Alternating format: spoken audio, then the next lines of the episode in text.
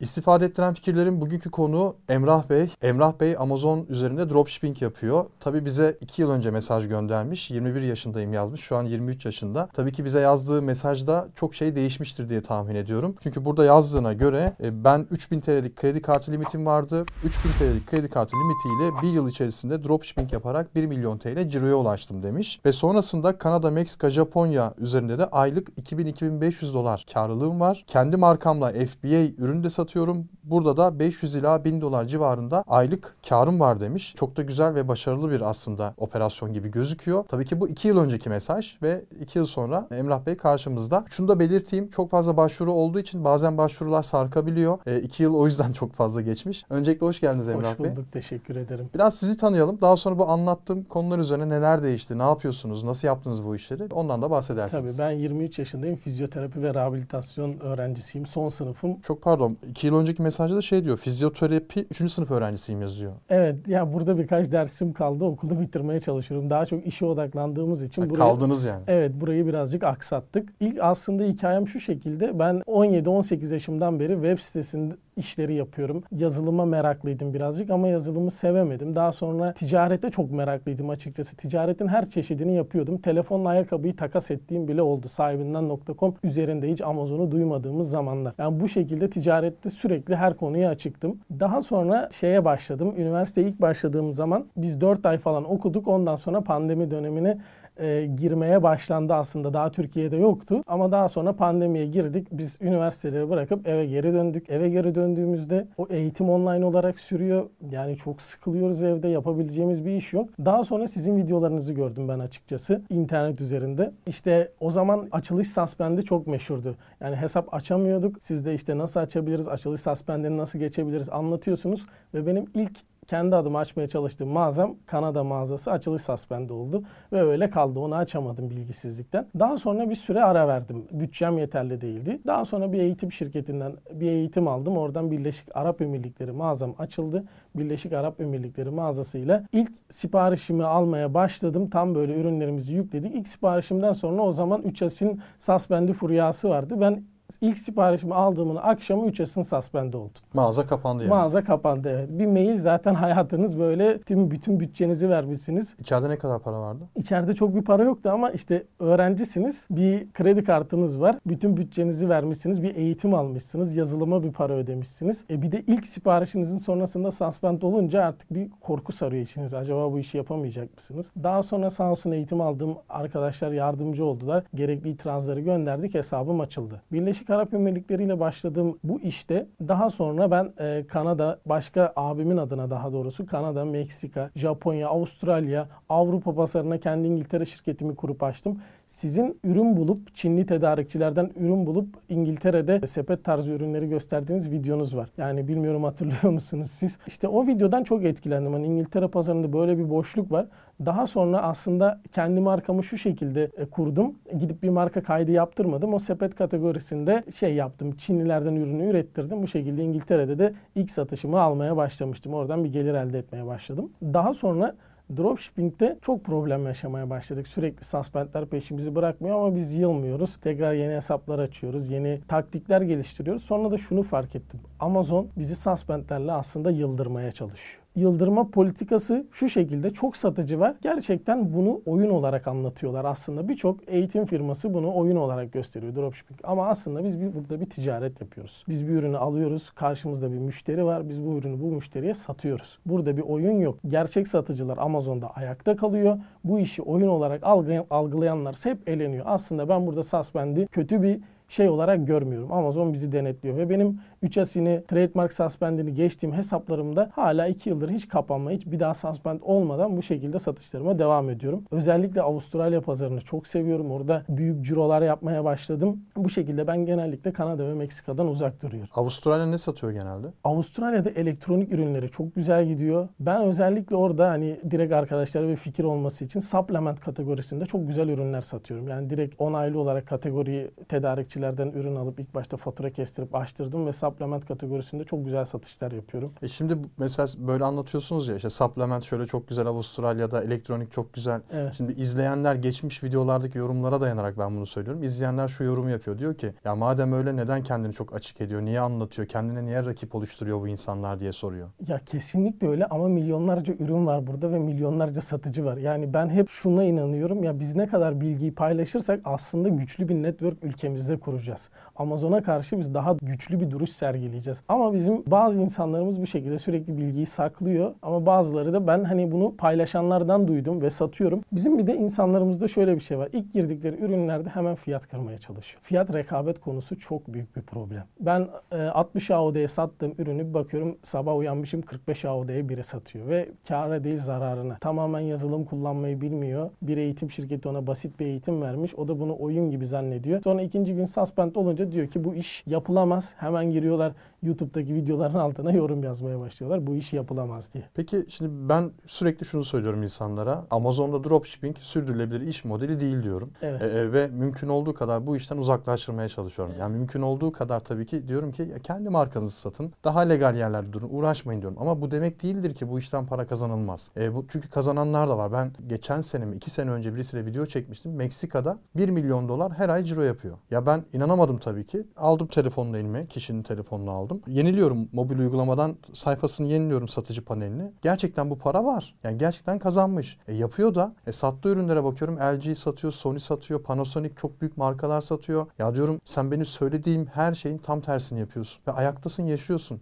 Bu nasıl mümkün olabilir? Bunu hiçbir zaman aklıma almamıştır. Ama şöyle bir şey de var tabii ki. Yapanlar bir şekilde nasıl yapıyor, nasıl ayakta kalıyor burası çok önemli bir nokta. Ee, o yüzden- şu soruyu sormak istiyorum. Nasıl ayakta kalıyorsunuz? Yani yakalanmak demeyelim de sonuçta bu işin bir gri noktası bu baktığınız zaman. Yani Amazon'un çok sevdiği bir iş modeli değil. Yani tercih ettiği bir model değil ki. 2022 yılında da zaten çoğu hesabı kapattı Amazon. Ee, nasıl ayakta kalıyorsunuz? Şöyle Amazon aslında artık büyük hesaplara dokunmuyor. Ama şu var yani e, kapatılan hesaplara baktığımız zaman birçok ihlal söz konusu ve bu ihlallerin arkasında duramıyor. Mesela ben bir LG'nin ürününü satmak istiyorsam o ürünün öncelikle elimde faturası bulunmak zorunda ki o kategoriye girebileyim. Tabii örnek veriyorum Meksika'da bu kategori açık olabilir. Bu demek değildir ki siz kafanıza göre gidip Meksika'da LG satabilirsiniz. Çünkü böyle büyük bir markanın siz distribütörlüğünü almadan Meksika'da satış yapamazsınız. Amazon sizden bunun faturalarını istediğinde sizin buna sunmanız lazım. Kesinlikle size bu konuda katılıyorum. Dropshipping herkes için sürdürülebilir bir iş modeli değildir. Ama şu da var. Mesela ben arbitraj da yapıyorum. Arbitrajda yanlış bir markanın ürünü sattığımda elimde faturaları da yoktu. Kategori açıktı. Bir daha o hesabı bir daha asla açamayacağımız anlamına geliyor. Yani burada önemli olan iş modelini tüm her şeyiyle irdelemek ve bu iş modelini çok profesyonel bir şekilde öğrenmek. Ben kesinlikle buna inanıyorum. Peki 2 yıl önceki mesajınızda ayda 2000-2500 dolar Kanada, Meksika, Japonya'dan kar ediyorum. Evet. Çok büyük para bu arada 2000 dolar her ay.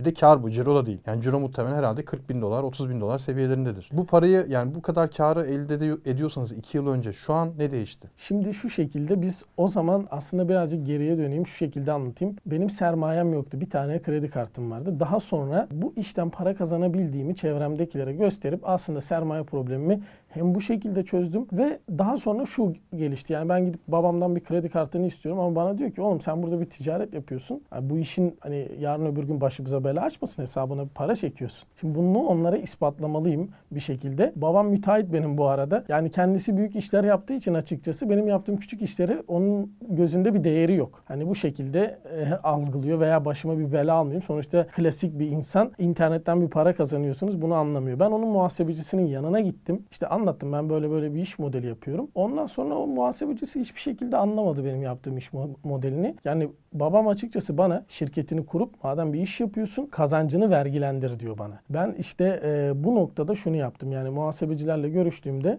yanlış değilsem 2021 yılının son aylarıydı. Bu şekilde bir vergilendirme olayına başlamaya çalıştık. Yapamadık. Daha sonra şöyle bir şey oldu. Aslında konuyu birazcık dağıttım burada. Yaptığımız başka bir işi anlatacağım size. Biz bir yazılım projesi başlattık burada. Bunu orada yazam yazmadım çünkü o zaman böyle bir şey yoktu. Ondan sonra bu yazılımı sellerquick.com'u kurdum ben. sellerquick.com burada bizim tamamen A'dan Z'ye bir muhasebe hizmeti sunuyor aslında. Ya bu hepsi burada için var. Ya muhasebeciye soruyorum diyor ki evet hepsi burada da biz bir muhasebe yönetimi yapıyoruz. E, Amazon.com.tr'de de yapıyoruz ama dropshipping için veya yurt dışına mal gönderdiğimizde arbitraj için, wholesale için biz böyle bir şeyimiz yok. Ondan sonra ben bu yazılım projesine ilk başladığımda bunu hedef alarak aslında buradaki temel amacım şuydu. Kazancımı vergilendirmek hem de gidip bankalara benim bir şirketim var. Ben ayda bu kadar fatura kesiyorum. Yani dediğimiz gibi 40 bin dolar ciro bayağı büyük bir rakam ve bankalarla istediğiniz şekilde burada aslında otomatikman sermaye probleminizi çözüyorsunuz. Biz o zamandan bu yana cirolarımızı tabii ki katlamaya devam ettik. Dropshipping yapmaya hala devam ediyorum. Yani burada üzerine koyarak değil de açıkçası birazcık burada yazılım projemize ağırlık verdik. Yazılım projemizi geliştirdik geliştirdik. Yazılım projemizi çıkardık. Çıkardığımızda aslında bilmiyorum herkesin duyduğu bir şey değil. Çok büyük bir reklam yapmadık çünkü belli bir hacmimiz vardı. Ee, yazılım projemizde bunu ilerlettik. Şu anda yazılım projemizi çıkardık. Bu şekilde e, tam olarak yani bunun da ne yaptığımızı anlatırsam size. Burada tamamen biz vergi problemini çözüyoruz. Yani Amazon'da biz ticareti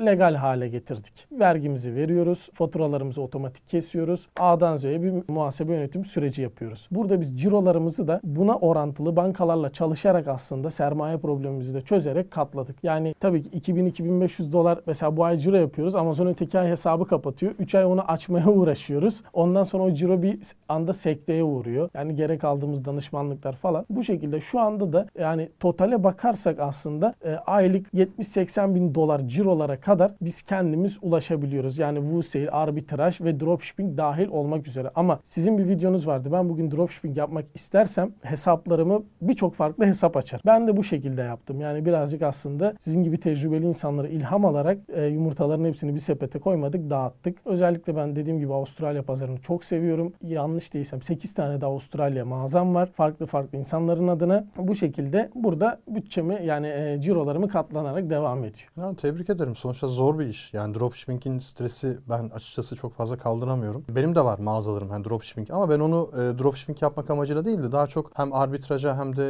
e, FBA'ye private label'a ürün bulayım maksadıyla kullanıyorum. E, tabii ki kendi kendine çalışıyor, ciro yapıyor, mağaza kapanıyor, tekrar sizin gibi açıyoruz vesaire ama tüm her şeyimiz oraya bağlı değil. Bizim operasyon kendi markalarımız ya da işte arbitraj yaptığımız markalara bağlı. E çünkü diğer türlü katlanacak iş değil gerçekten. Yani başın ağrıyor, sürekli gecelerin uykusuz uyuyorsun. Sabah kalkıp ne olacağın belli değil sabah kalktığında. Çünkü sen uyuduğunda Amerika'da, Kanada'da gündüz ne oluyorsa o zaman oluyor zaten. Yani benim çoktur yani uyandıktan sonra aa işte içeride 20 bin dolar para olan hesap kapandı. Şimdi ne yapacağız bu hesabı, nasıl açacağız diye düşündüğüm çok olmuştur. E, o yüzden yani çok kolay bir iş değil, stresli bir iş aksine. Hatta az önce siz buraya gelirken şey dediniz. Az önce içerideki e, bir arkadaşınız var, bir arkadaşınızla gelmişsiniz. E, onun hesabı kapandı dediniz değil mi? Evet. E, arkadaşlarınız da yapıyor o zaman bu işleri. Tabii evet yani çevremdekiler çok meraklı olduğu için öğretiyorum onlara. Onlar nasıl? Ya şöyle mesela onlara sorduğumda ilk aylarda onlar da tabii güzel kazanmaya başladı ama tabii ilk suspend'de onlar da benim gibi korkup hemen telefonlarım çalmaya başlıyor. Şimdi benim içeride 5000 dolarım kaldı. Ne yapacağım? Yani Türkiye şartlarında büyük bir para. Yani tabii ben onlara müdahale ediyorum artık çok tecrübeli olduğumuz için bir şekilde yardımcı oluyoruz. Hesaplarını açıyoruz. Ama tabii sizin dediğiniz gibi mutlaka biz de bu şekilde yapıyoruz. Yani ben bir dropshipping hesabımda günde 30 tane sipariş aldığım ürünü götürüp zaten hemen arbitraja döndürüyorum başka bir hesapta. FBA ürünümde aylık karım 500 ila 1000 dolar demişsiniz. O, o ne durumda? Devam ediyor mu? Şu an yok. O FB ürününden ben çıktım. Yani açıkçası e, marka kaydı falan gerekti. İngiltere şirketinde problem yaşadım. Yani tam profesyonel bir yönetim desteği bulamadım açıkçası. Ve İngiltere pazarından private label olarak kayıp daha çok Amerika ve Kanada'da arbitraj yapıyorum. Anladım. Arbitraj tarafı şu an nasıl gidiyor? Cirolar nasıl orada? Arbitraj tarafı da şu şekilde yani aslında bizim yatırdığımız sermayeye göre çalıştığımız markalar var. Ee, örnek veriyorum biz bu ay 10 bin dolarlık onlardan bir ürün alabilirsek %20 karla bunu satıp ciromuzu katlayabiliyoruz. Yani bu şekilde birazcık sermaye tarafı ama aylık bazda örnek verirsem orası da şu anda bana 2000-2500 dolar her ay getiriyor. Karlılık getiriyor Evet karlılık getiriyor. Toplam şu an aylık ne kadar karlılık? Şu anda aylık ne kadar karlılık? Yani yönettiğim hesaplarla beraber 5000 doların üzerinde bir 5, karlılık. 5000 doların üzerinde Evet. aylık karlılık var. Evet. Çok iyi. Arbitrajda Toptancıyı nasıl buluyorsunuz? İşte burada dropshipping yaptığımız mağazalar aslında bir yana burada da işimize devreye giriyor. Mesela bir ürün burada 30 tane satıyor. Ürünün web sitesini buluyorum. Bu toptancıya satın alma garantisi veriyorum. Yani tabii ki direkt mail yoluyla sizin yüzlerce mail düşüyor onun kutusuna. Ben direkt onu telefonla arayıp sizden bu kadar bu kadar ürün alacağım. Böyle böyle aramızda bir sözleşme yapabiliriz. Tabii arbitraj için Amerika'da şirket kesinlikle gerekli. Sizin onlardan ürünü alabilmeniz için. Yani direkt birebir kontak çok önemli burada. Benim İngilizcem o kadar iyi değil ama profesyonelce onlarla konuşabilen bir aracı bulduğumuzda ya bu şekilde onlardan ürün tedarik edebiliyoruz. Yani birebir kontak kuruyorsunuz. Evet. Ortalama %20 karlılık demiştiniz arbitrajda. Evet yani %15, %20, %25 bu bantta gidiyor. Peki çok büyük markalarla mı yoksa orta ölçekli markalarla mı satış Ben daha çok orta ölçekli markalarla satış yapıyorum. Yani çok büyük markalar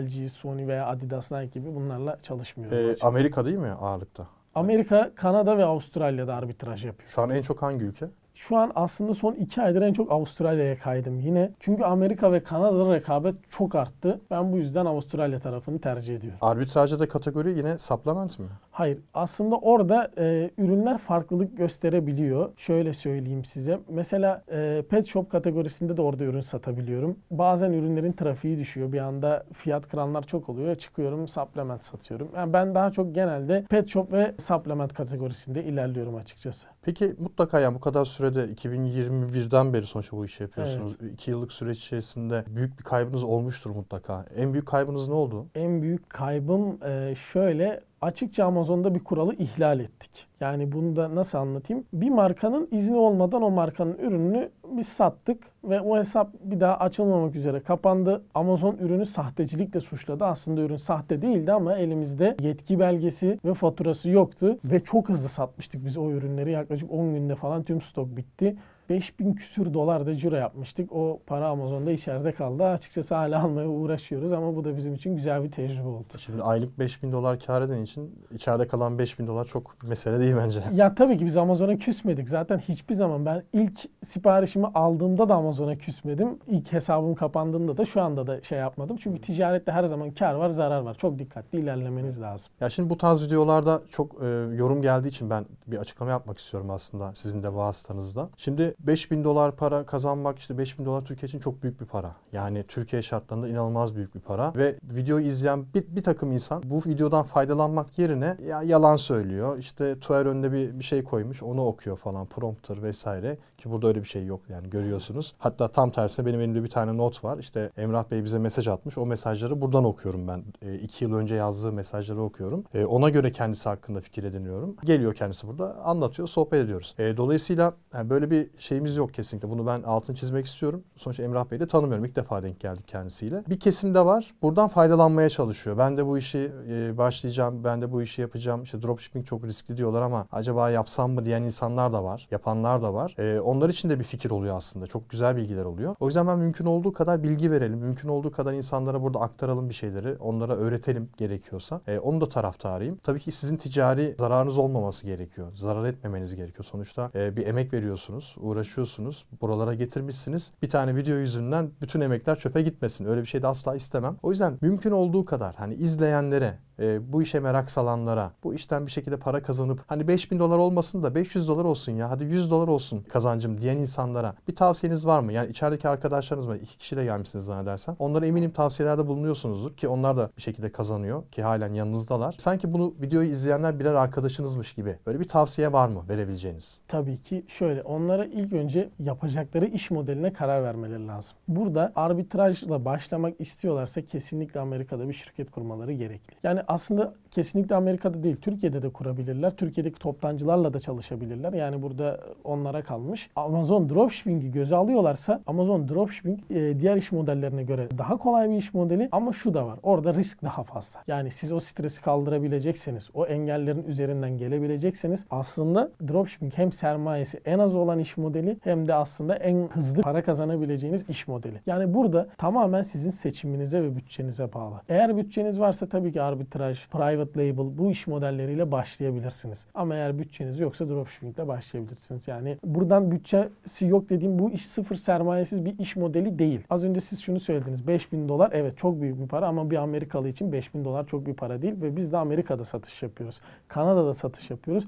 Biz de ciromuzu ona göre katlayarak zaten bu karları yapıyoruz. Yani biz burada %300 kar ediyoruz demiyoruz. Yani %20, %25 bu bence bir ticarete göre az bir kar marjı bile olabilir. Bu arada dropshipping hani dediniz ya daha düşük sermaye. Ben de tersini düşünüyorum yani daha büyük sermaye. Çünkü şimdi ben bugün 2000 dolarlık satış yapsam ve her gün 2000 dolarlık satış yapıyor olsam %20'de karım olsa yani 400 dolar her gün karım var. Şimdi matematik yapıyorum. Şimdi 2000 dolarlık sipariş aldım. Benim o siparişi yerine getirebilmem için gidip Amerika'dan dropshipping yapıyorum sonuçta. 2000 doları verip o malı alıp müşterime yollamam lazım. Müşterim ürünü alacak. 2 hafta bekleyeceğim. Toplam o paranın bana dönüşü 3 hafta nereden baksan. E şimdi 3 haftada bana dönecek olan parayı ben her gün 2000 dolar finanse etsem 3 e, haftada kaç 2000 dolar yapar? Hesaplayın 14 çarpı 2000 kaç yapıyor? 48 bin dolar yapıyor değil mi? 48 bin doları ben 2 haftada bağladım oraya ki bana 2 hafta sonra gelecek olan para 48 bin bile değil. Yani daha ilk zamanlar kargoladığım ürünlerin parası gelecek. E şimdi ben sürekli ürün yaptırıyorum. Yani Amazon'da sürekli numuneler sipariş ediyorum. Hatta burada bile birçok numune hani sağda solda vardır. E, kullandığım mousepad bile numune mesela. E, şimdi ben bu ürün numune için 50-60 dolar para harcadım. Şimdi 48 bin doları unutmayalım. 50-60 dolar numuneye para harcadım. Ürünün ambalaj tasarımı vesaire için işte 200 dolar harcadım. Marka tescili, Amerika tescili vesaire hadi 1500 dolar oraya harcadım. Ürün imalatı için 8 bin dolar harcıyorum. 500 tane yaptırıyorum. Ne oldu? Benim toplam toplamda hadi olsun 10 bin dolara bir tane ürünüm private label hayata başlayacak. Hadi bir 10 bin de ben harcayayım o ürüne e, lansmanı için. Yani pazarlama bütçesi 20 bin olsun. E şimdi 20 bin dolar nerede? 48 bin nerede? Kaldı ki ben o parayı birden de harcamıyorum. Kaldı ki benim kendi markam için tüm operasyon dahil 400 dolara bitirdiğim ürün de var. Şimdi 20 bin dolar çok uç bir nokta oldu. 400 dolara bitirdiğim bir ürün de var. Onu da Kanada'da satıyorum. 4 dolara lojistik dahil yaptırıyorum. 35 dolara satıyorum. Karlılık muazzam. Her satıştan 15-20 dolar kar baktığın zaman. Günde 10 tane satsa 200 dolar. E şimdi komple ürüne 400 dolar harcamışım. E günün sonunda e, ben günlük karım zaten harcadığım paranın toplamından bile fazla. E ben niye 48 bin dolar şimdi dropshipping'e bağlayayım? Tabii şimdi burada çok haklısınız. Aslında şöyle bir şey var. Zaten burada açıkçası birazcık tecrübe denilen olay devreye giriyor. Dropshipping hani ilk başlangıçta çok tecrübe gerektirmediği sanılan bir iş modeli. Aslında tabii ki o da çok büyük bir iş modeli. E, orada da çok büyük bir tecrübe gerekiyor ama şu var dediğiniz gibi örnek veriyorum 1000 dolara o ürünleri yaptırdınız ama tabii bu ürünlerin satamama riski var. Böyle bir risk de söz konusu. Ama dropshipping'de sipariş geldiği zaman ürünü gönderdikleri için aslında bu süreç içerisinde insan birçok şey öğreniyor. Ya açıkçası ben e, Facebook'ta bile dropshipping yaptım. Facebook Marketplace'te bile dropshipping yaptım. Hesabım kapalı olduğu zaman sermaye oluşturmak için. Burada ana hedef şu hani dediğiniz gibi 400 dolara bitirdiğiniz ürün bile olabilir ama o 400 dolara bitirdiğiniz ürünün arkasında milyon dolarlarca cironun tecrübesi yatıyor bence. Ya ben bu yüzden hani ilk başlayanlara örnek veriyorum 20 bin liralık bir kredi kartınız var. Tabii ki bu 20 bin liralık kredi kartınızı ödeyebilecek bir 20 bin liranız da kenarda olsun. Bu şekilde dropshipping'i tavsiye ediyorum. Ama sizin bu tecrübeyi kazanabilecek vaktiniz ve kesinlikle buna ait yatırabileceğiniz bir paranız varsa kesinlikle private label'la başlamak en mantıklısı. Sonuçta kendi üretiminiz, kendi ürettiğiniz ürünü satıyorsunuz. Biz bir e, nevi komisyoncuyuz. Biz bir emlakçı gibi düşünebiliriz. Siz bir müteahhitsiniz, bir daireyi yapıyorsunuz. Biz ise sizin yaptığınız daireyi satıyoruz. Burada tabii ki bizim karımız çok çok daha az olacak ve dediğim gibi son yıllarda siz dropshipping'de farkınızı koyamıyorsanız burada bir kazanç da elde edemiyorsun. Yazılımlara ve Amazon mağaza kirasına çalışıyorsunuz. Yani bu şekilde. Kesinlikle. Yani zaten bu işin içine giren, dediğiniz gibi hata yapan ya da bir şekilde başaramayan insanlar ekosistemin birer besleyicisi oluyor. Yazılımlara para veriyor, Amazon'a para veriyor, eğitimci öğrencilere, eğitimlere para veriyor. Günün sonunda sistem kazanıyor ama o kişi maalesef iflas ediyor. Yani dediğiniz gibi umarım bu videoyu izleyenler birçok çıkarım yapmıştır kendine. Yani notlarını da almıştır. Soruları da var bu videoyu izleyenlerin. O yüzden sorularınızı aşağıya yorumlar bölümüne yaparsanız hani siz de cevap verebilirsiniz tabii ki. Ben de cevap veririm. Cevapsız bir soru bırakmayız. Çok teşekkür ediyorum ben geldiğiniz için. Ben Çok memnun oldum tanıştığıma. Ayağınıza sağlık. Evet siz de Emrah Bey gibi buraya konuk koltuğuna oturabilirsiniz. Bunun için yorumlar bölümüne sabitlediğim bir mesaj var. Bir form linki var. O formu doldurmanız ve bize Emrah Bey gibi hikayenizi yazmanız yeterli. Daha sonra eğer uygun görürsek sizi buraya konuk olarak davet ediyoruz ediyoruz. Yorumlarınızı esirgemeyin lütfen. Çok merak ediyorum ne düşünüyorsunuz. Kendinize çok iyi bakın. Hoşçakalın.